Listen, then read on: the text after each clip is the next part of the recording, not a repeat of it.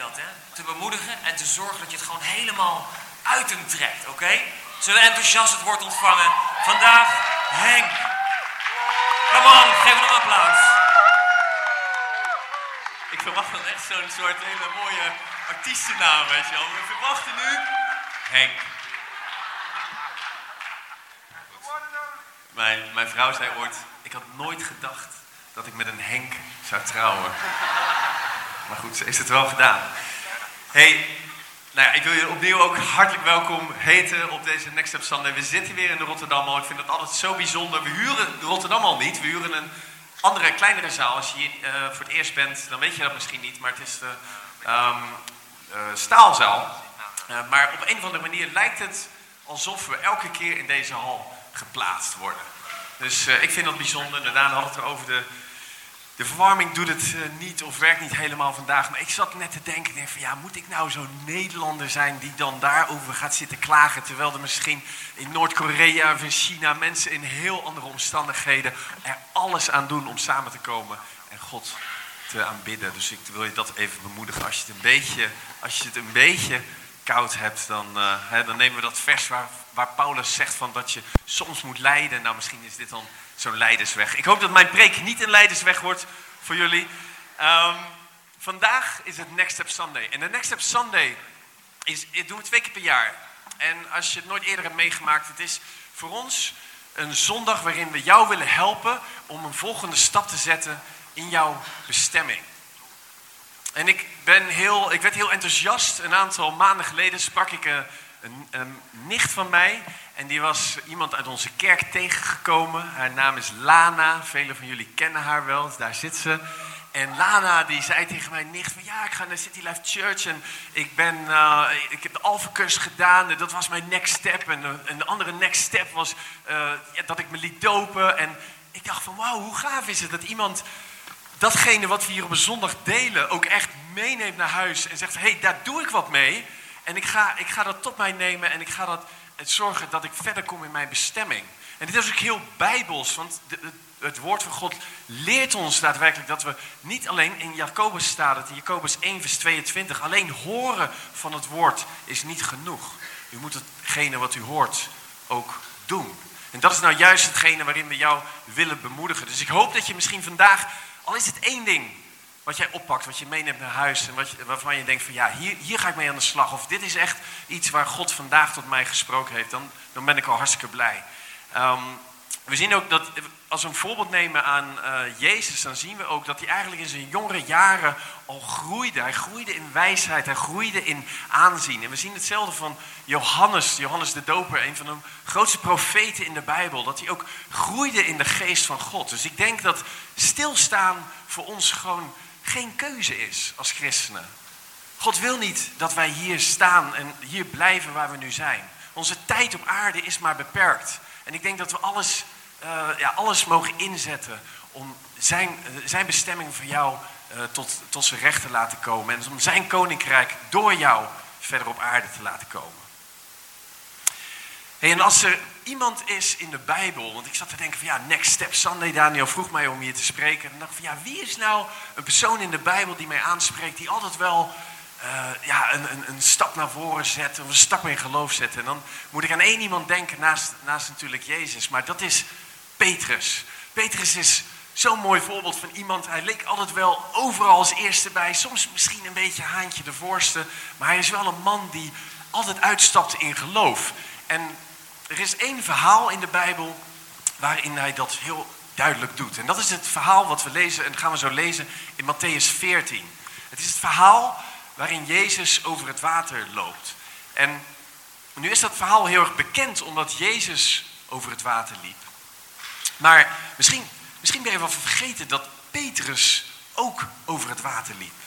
Petrus als mens, blijkbaar had hij zoveel vertrouwen, zoveel geloof, dat hij uit de boot is gestapt en over het water naar Jezus is gelopen. Nou, we gaan er dadelijk op inzoomen en ik denk dat we er heel veel uit kunnen gaan leren. Laten we gewoon het verhaal gaan lezen in Matthäus 14 vanaf vers 24 als je je Bijbel bij je hebt. En anders kun je natuurlijk vanaf het scherm meelezen. Daar staat de boot. Oh, sorry, ik wil nog even de, de context schetsen. Want Ehm, het is wel belangrijk om te snappen waarom de discipelen naar de overkant van het meer gestuurd uh, werden door Jezus. We lezen aan het begin van Matthäus 14 dat Johannes de Doper onthoofd werd door Herodes. En Johannes de Doper die was natuurlijk heel bekend bij Jezus, want Jezus was gedoopt door Johannes. Uh, hij was een goede bekende van Johannes. Er staat zelfs in sommige vertalingen dat hij zijn cousin, zijn relative was. Dus dat hij echt gerelateerd, misschien wel familie was van Johannes de Doper. En er staat in vers 13, of, uh, ja, vers 13 dat Jezus echt geraakt werd en dat hij uitweek naar een afgelegen plek om alleen te zijn. Jezus wou hier het verdriet van Johannes de Doper verwerken. En alleen zijn voor Jezus in de Bijbel, dat betekende altijd weg van de menigte, alleen met God de Vader. Maar wat zien we dat er gebeurt, is dat de menigte, die komt erachter waar Jezus zich naartoe verplaatst. En vervolgens gaat een grote meute hem achterna. En, en komen er meer dan 5000 mensen samen. En Jezus, terwijl die tijd apart wil hebben, zijn stille tijd met God de Vader. Maar hij ziet die menigte. En zo vaak in de Bijbel zien we dat Jezus compassie heeft voor de menigte. En hij spreekt ze toe, hij onderwijst ze. En vervolgens geeft hij ze ook nog te eten. En zien we het wonder van de vijf broden en de twee vissen. En na dat wonder zegt Jezus: Oké, nu pak ik dat moment om samen met God de berg, of op de berg op te gaan. En samen met God te zijn. Om dit verlies van Johannes de Doper te verwerken en met hem te bidden. En hij stuurt de discipelen in de boot naar de overkant van het meer. En daar pakken we het op. Want die boot waar de discipelen in zaten, was intussen al vele stadien van de vaste wal verwijderd. En werd als gevolg van tegenwind door de golven geteisterd. En tegen het einde van de nacht kwam hij, dat is Jezus, naar hen, de discipelen, toe. Lopend over het meer. En toen toen de leerlingen hem op het meer zagen lopen, raakten ze in paniek. Ze riepen een spook en schreeuwden het uit van angst. Meteen sprak Jezus hen aan. Blijf kalm. Ik ben het. Wees niet bang. Petrus antwoordde: Heer, als u het bent, zeg me dan dat ik over het water naar u toe moet komen. En Jezus zei: Kom. En Petrus stapte uit de boot en liep over het water naar Jezus toe. Maar toen hij voelde hoe sterk de wind was, werd hij bang. Hij begon te zinken en schreeuwde het uit: Heer, red me! Meteen strekte Jezus zijn hand uit. Hij greep hem vast en zei: Kleingelovige, waarom heb je getwijfeld?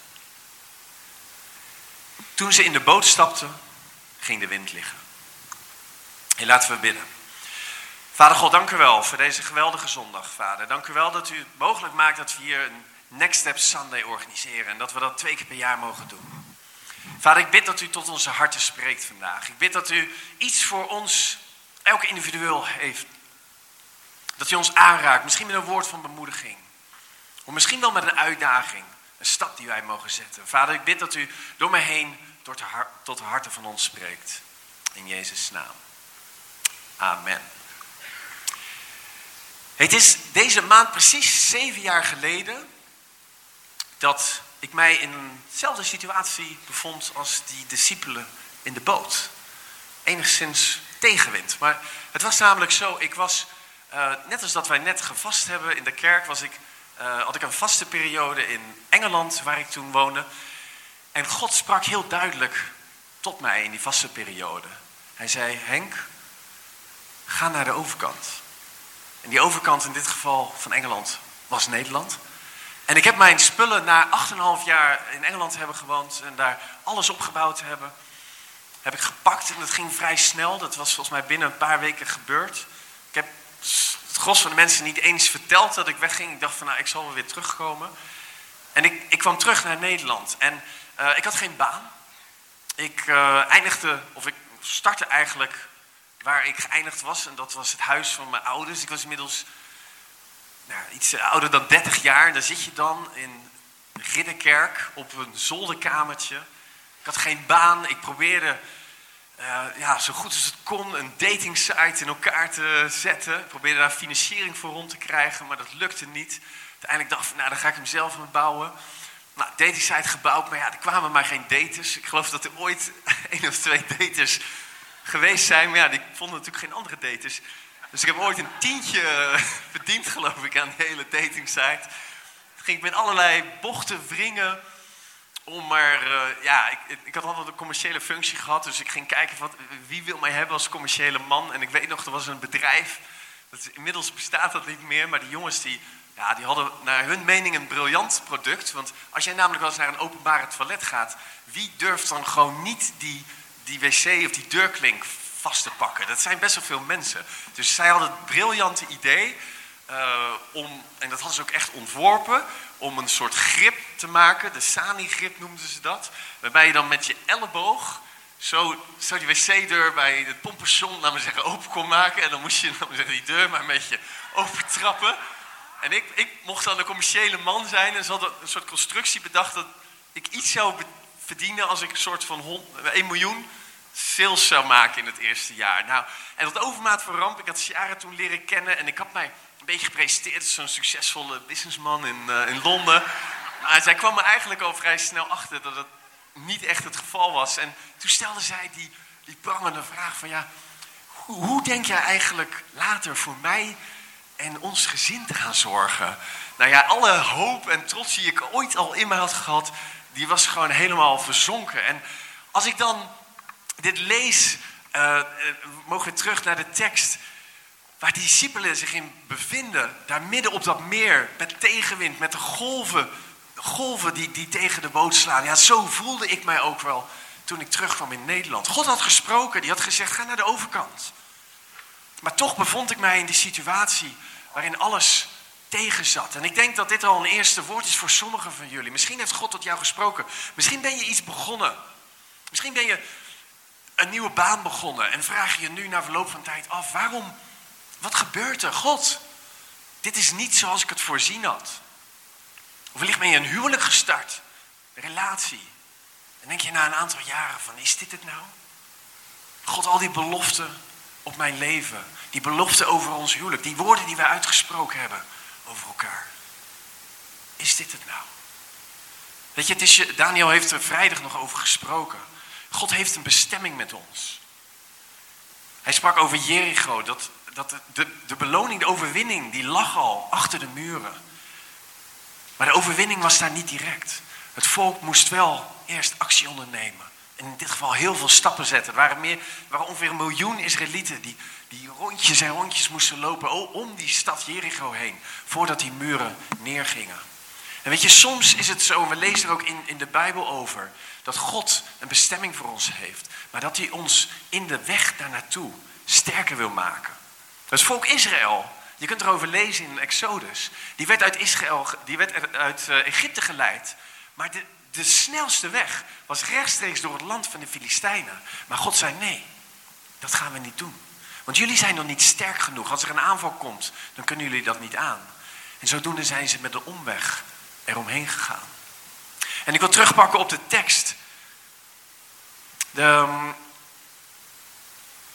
als we kijken naar, uh, even kijken hoor, vers 24. De boot was intussen al vele stadien van de vaste wal verwijderd en werd als gevolg van de tegenwind door de golven geteisterd. Reken maar dat die discipelen misschien hetzelfde gedacht hebben van wat is hier aan de hand? Het was niet de eerste keer dat ze een storm mee hadden gemaakt.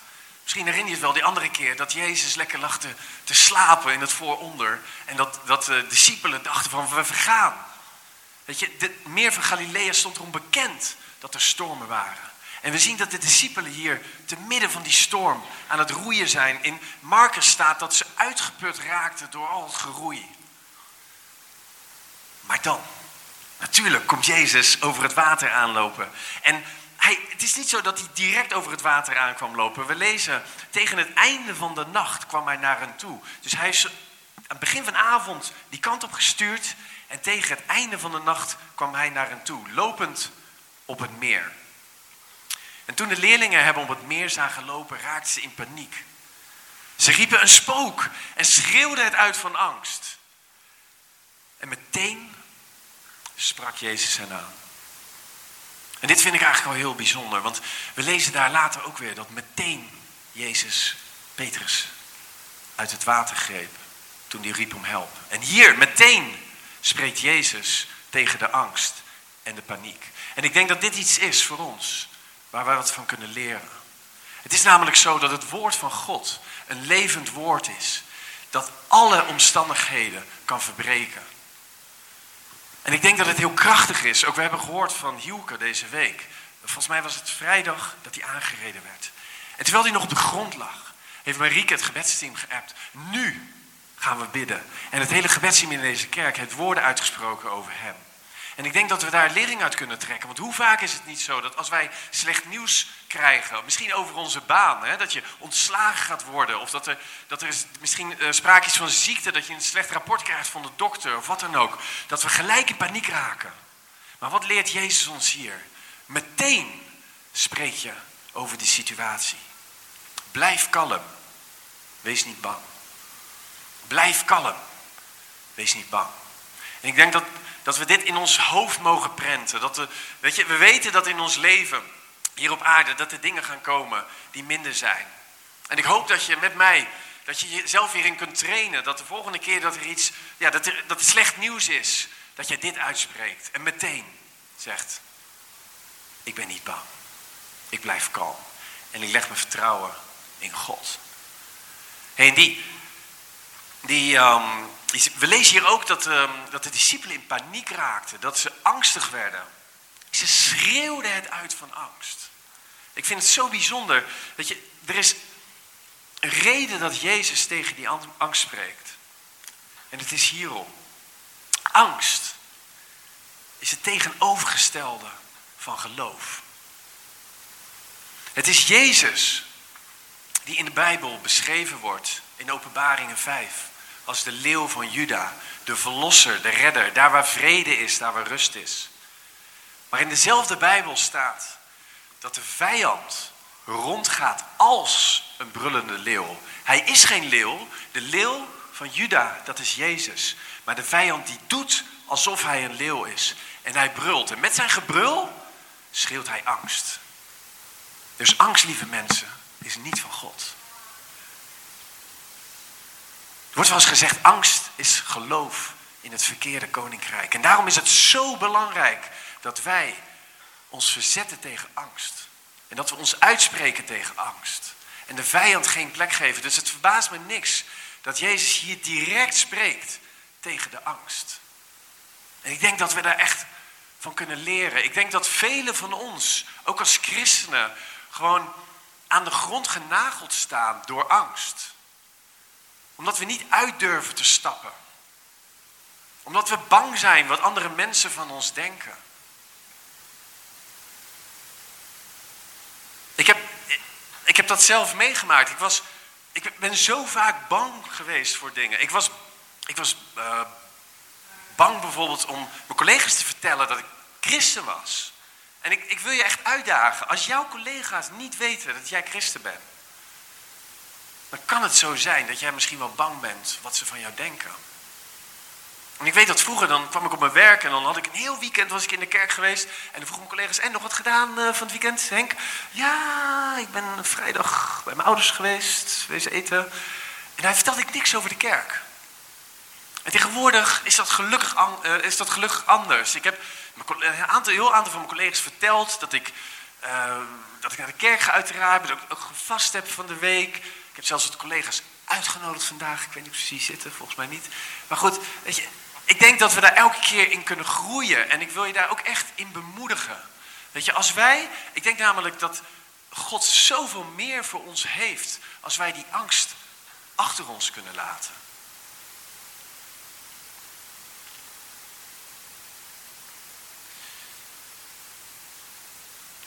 Ik denk dat we ook heel goed kunnen kijken naar Petrus.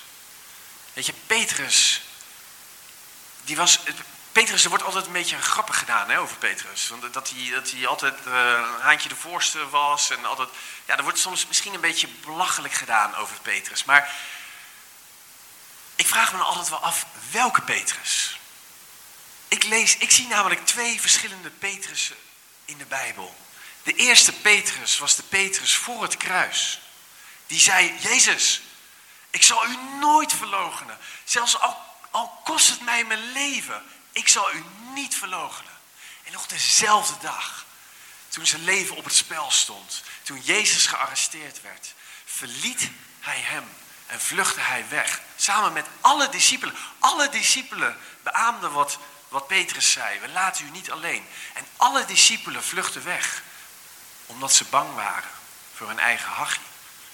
Dat hen misschien ook wel wat aangedaan werd. En even later werd Petrus drie keer gevraagd. Ken jij hem? En hij zei nee. Ik ken hem niet. Waar heb je het over? Jezus? Dat was de ene Petrus. Die bang was. Maar we zien ook een andere Petrus aan de andere kant van het kruis. De Petrus na de uitstorting van de Heilige Geest. Jezus spreekt nog voordat hij gekruisigd werd, spreekt hij tegen, tegen de discipelen. En, en zegt, fijne voetbalwedstrijd Jeff. Hij had het gemeld hoor. Hij zegt, ik loop niet zomaar uh, weg omdat ik je preek niks vind. Sorry Marloes, geintje moet kunnen. Mijn vrouw zei, je moet af en toe een grapje in je preek gooien. Dat is serieus. Hey, maar Jezus spreekt tot de discipelen en die zegt, jullie zullen vervolgd worden. Jullie zullen gegezeld worden in de synagoge. Dit, was, dit is de boodschap die Jezus de discipelen meegeeft. En weet je wat er gebeurt na de uitstorting van de Heilige Geest? De discipelen zijn zo vervuld van de Heilige Geest dat alle angst van zich afgevallen, uh, afgevallen lijkt. Het mooiste is dat ze, ze worden gevangen gezet. Dus ze spreken in de synagoge. Dan worden ze gevangen gezet. En dan vervolgens dan wordt er gezegd, jullie mogen vrij. Maar we laten je vrij. Maar jullie mogen niet meer in de synagoge spreken. Ze worden vrijgelaten. En waar staan ze een dag later? In de synagoge. Te spreken. En dit is de andere Petrus die we zien. Een Petrus vol van geloof. En ik denk dat we echt hier zoveel uit kunnen leren.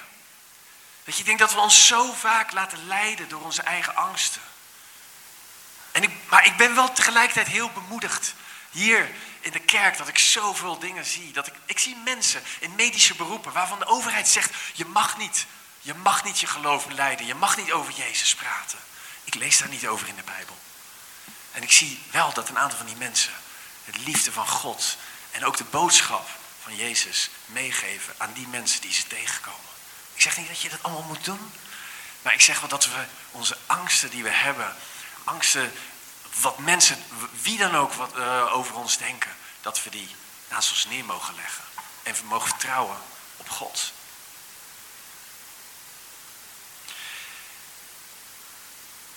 We lezen verder in. Um, oh ja, we lezen verder bij Petrus. Als hij Petrus, uh, hij antwoordt naar uh, Jezus, zegt: Heer, als u het bent, Zeg me dan dat ik over het water naar u toe mag komen. Ik vind het heel erg mooi, want eigenlijk wat ik hieruit leer, wat ik jullie mee wil geven, is dat Petrus opnieuw een bevestiging vraagt aan God. En dat is ook iets wat wij best mogen doen. We lezen dat Gideon dat ook doet. God spreekt en dan toch wil hij, wil hij nog een extra bevestiging.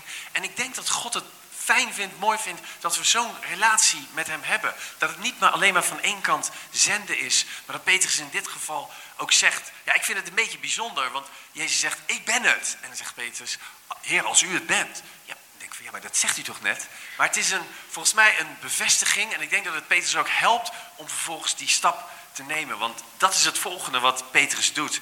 Petrus stapte uit de boot en liep over het water naar Jezus toe.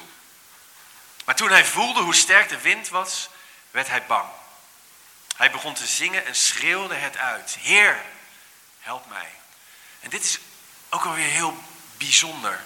Het is het, de, moment dat Petrus op Jezus focust, dat hij over het water kan lopen. En het moment dat hij om zich heen kijkt, naar de omstandigheden, dat hij begint te zinken. En ik denk dat dit een voorbeeld is voor een situatie die we zo vaak in ons leven tegenkomen. Dat als het goed gaat, dat we, dat we vertrouwen in hebben. Maar dat als er, als er tegenstand komt, als er tegenwind of tegenslagen in jouw leven komen, dat we ons op de omstandigheden focussen. En op dat moment zegt Jezus, focus op mij. We lezen dat in het, in het volgende vers. Meteen, daar heb je hem weer, meteen nadat, nadat uh, Petrus uitgesproken had, help me, meteen strekte Jezus zijn hand uit. Hij greep hem vast en zei, kleingelovige, waarom heb je getwijfeld? Dit is dus het tweede moment dat Jezus direct te hulp schiet. Terwijl je, uh, nadat je Petrus erom vraagt en het uitroept. En dat is de God, dat is de Vader die wij denken. Maar wat ik ook heel bijzonder vind van dit moment, kun je de situatie voorstellen? Midden op het meer van Galilea, er is storm, er is regen, uh, er is van alles aan de hand. De discipelen zijn helemaal uitgeput. Jezus komt over het water aanlopen. Petrus springt uit de boot, loopt naar Jezus toe, zakt door het water. Jezus die trekt hem eruit. Wat trouwens heel belangrijk is, wat, wat ik heel mooi vind, is dat Jezus strekte zijn arm uit. Blijkbaar is Jezus zo dichtbij dat hij alleen maar zijn arm uit hoeft te strekken. Hij hoeft niet naar hem toe te lopen. Maar Petrus was, Jezus was zo dicht bij Petrus dat hij direct zijn arm uit kon strekken en hem omhoog kon trekken. En ik denk dat het ook voor een aantal van jullie in jouw situatie geldt. Misschien lijkt Jezus heel ver weg, maar ik geloof dat Jezus een armlengte weg is. Dat het enige is wat jij hoeft te zeggen is Jezus, help mij. En dan kan hij jou eruit trekken. Maar het bijzondere vind ik ook wel dat Jezus hem eruit trekt. En dan zou je zeggen van, oh, dan komt er een grote omarming. Maar niks daarvan. Tsch, tsch, tsch. Hij krijgt er weer van langs. En dit is niet de eerste keer. Jezus die geeft twee groepen mensen eigenlijk altijd er van langs in de Bijbel. De fariseeën en de schriftgeleerden. Die krijgen er altijd van langs dat ze huigelaars zijn, dat ze, hè, dat ze de wet naleven, maar God niet goed kennen. En de discipelen die krijgen er altijd van langs dat ze kleingelovig zijn. Dit is niet de eerste keer. Er is een verhaal dat ze demonen uit uh, proberen te drijven uit een jonge knul en het lukt niet. En dat ze vragen, waarom, Jezus, waarom lukt het niet? Vanwege je, omdat jullie geen geloof hebben. En dit is weer zo'n moment dat Jezus zegt, kleingelovige, waarom heb je getwijfeld? En als Jezus dat zo vaak zegt, dan begin ik me af te vragen, is, bedoelt hij hier ons niet, uh, wil hij hier misschien iets mee zeggen? Kijk, dat kleingelovige, ik ben er eens ingedoken en er is heel veel discussie onder theologen of dat nou wel juist de, juiste vertaling is. Nou, ik zal het laatste zijn om hier de Bijbel uh, te gaan betwisten, maar het is wel heel interessant dat Jezus, dat het hier niet zozeer gaat om of je nou klein of groot geloof hebt. Want Jezus zegt, al heb je geloof zo klein als een mosterdzaad, dan kun je bergen verzetten. Het gaat er hier om dat Petrus op het ene moment geloof heeft, hij stapt uit, en op het andere moment twijfelt hij. Hij heeft dus een soort geloof dat, dat heen en weer gaat. En dat is nou volgens mij net hetgene wat God tot ons probeert te spreken vandaag. Dat wij soms hebben wij geloof dat God iets gaat doen. Maar soms helemaal niet. Volgende week word ik 40 jaar, donderdag. Dank jullie wel. En Mion is vandaag jarig. Vandaag gefeliciteerd Mion een stukje jonger dan ik. Maar ik heb 40 jaar al, 40 jaar lang heb ik een notenallergie.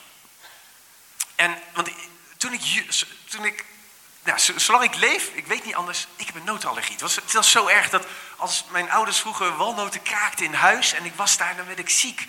En ik, heb, ik ben op intensive care beland. Ik ben ik heb al zo vaak in het ziekenhuis gelegen. Ik ben zo dankbaar voor alle medische wetenschap. Ik had serieus al tien keer dood geweest. Als de epipennen en de adrenaline en antihistaminica en niet waren geweest. Dus ik heb, ook altijd, ik heb nooit zo'n pakketje, weet je, dat je 800 euro eigen risico uh, hebt. Ik heb mijn eigen risico dit jaar er al goed doorheen gejast volgens mij, na één maand. Niet door de nootjes. Um, maar er is natuurlijk al lang en breed genoeg en vaak genoeg voor mij gebeden, door mij gebeden, voor die notenallergie. Maar ergens in mij vraag ik mezelf ook af, ja, heb ik nou wel dat geloof dat God het echt gaat genezen? En dat is een hele, een hele fine lijn, hè? Dat is heel erg, uh, dat is heel erg moeilijk. Want mensen zeggen van ja, maar je gaat toch niet zeggen dat als, als ik nog ziek ben of als iemand ziekte heeft, dat je dan geen dat mijn geloof niet groot genoeg is, dat zeg ik niet. Maar de Bijbel staat vol met verhalen waarin Jezus zegt, uw geloof heeft u genezen, uw geloof heeft u genezen. En tegelijkertijd, waarom heb je getwijfeld? Als je gelooft en niet twijfelt, dan kun je bergen verzetten. En ik denk dat het een woord is voor ons vandaag. Dat we, dat we mogen groeien in, ja, hoe zeg ik, groeien in geloof. Dat zou betekenen dat je een groot geloof. Maar dat we dit echt mogen ontwikkelen. En ik ben heel erg ik ben zo enthousiast dat er mensen in deze kerk zijn die de Bijbel 100% op het woord geloven. In het woord staat namelijk: ga heen, drijf demonen uit, genees zieken, laat de doden opstaan. Dat staat in het woord. En ik vraag me af waarom doen we het niet. Maar hier in de kerk zijn mensen die geloof hebben dat we doden kunnen laten opstaan. En dit klinkt misschien extreem, maar dat staat in het woord. En ik denk dat wij er lering uit mogen trekken dat we niet datgene wat wij niet als wij dingen niet zien gebeuren, dat we daardoor niet ons beeld van God gaan aanpassen. Van, oh ja, maar misschien, oh misschien dit. Gods woord staat vol dat wij geloof mogen hebben. En ik denk dat het woord vandaag is dat we mogen groeien in vertrouwen in God en niet hoeven te twijfelen. En als wij dat doen, als ons geloof zo groot is als een mosterdzaadje, zegt het woord van God, dan kunnen wij bergen verzetten. Ik wil het worshipteam vragen om naar voren te komen. En we gaan de laatste stukje van de tekst lezen. Want toen staat er. Toen ze in de boot stapten, ging de wind liggen. En ik vind dat eigenlijk wel heel bijzonder. Want de hele tijd dat ze daar in het midden op die zee waren.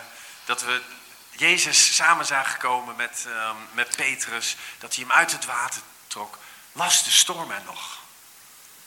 Maar op dit moment dat ze samen in de boot stappen, Jezus en Petrus, dat is het moment dat de wind is gaan liggen.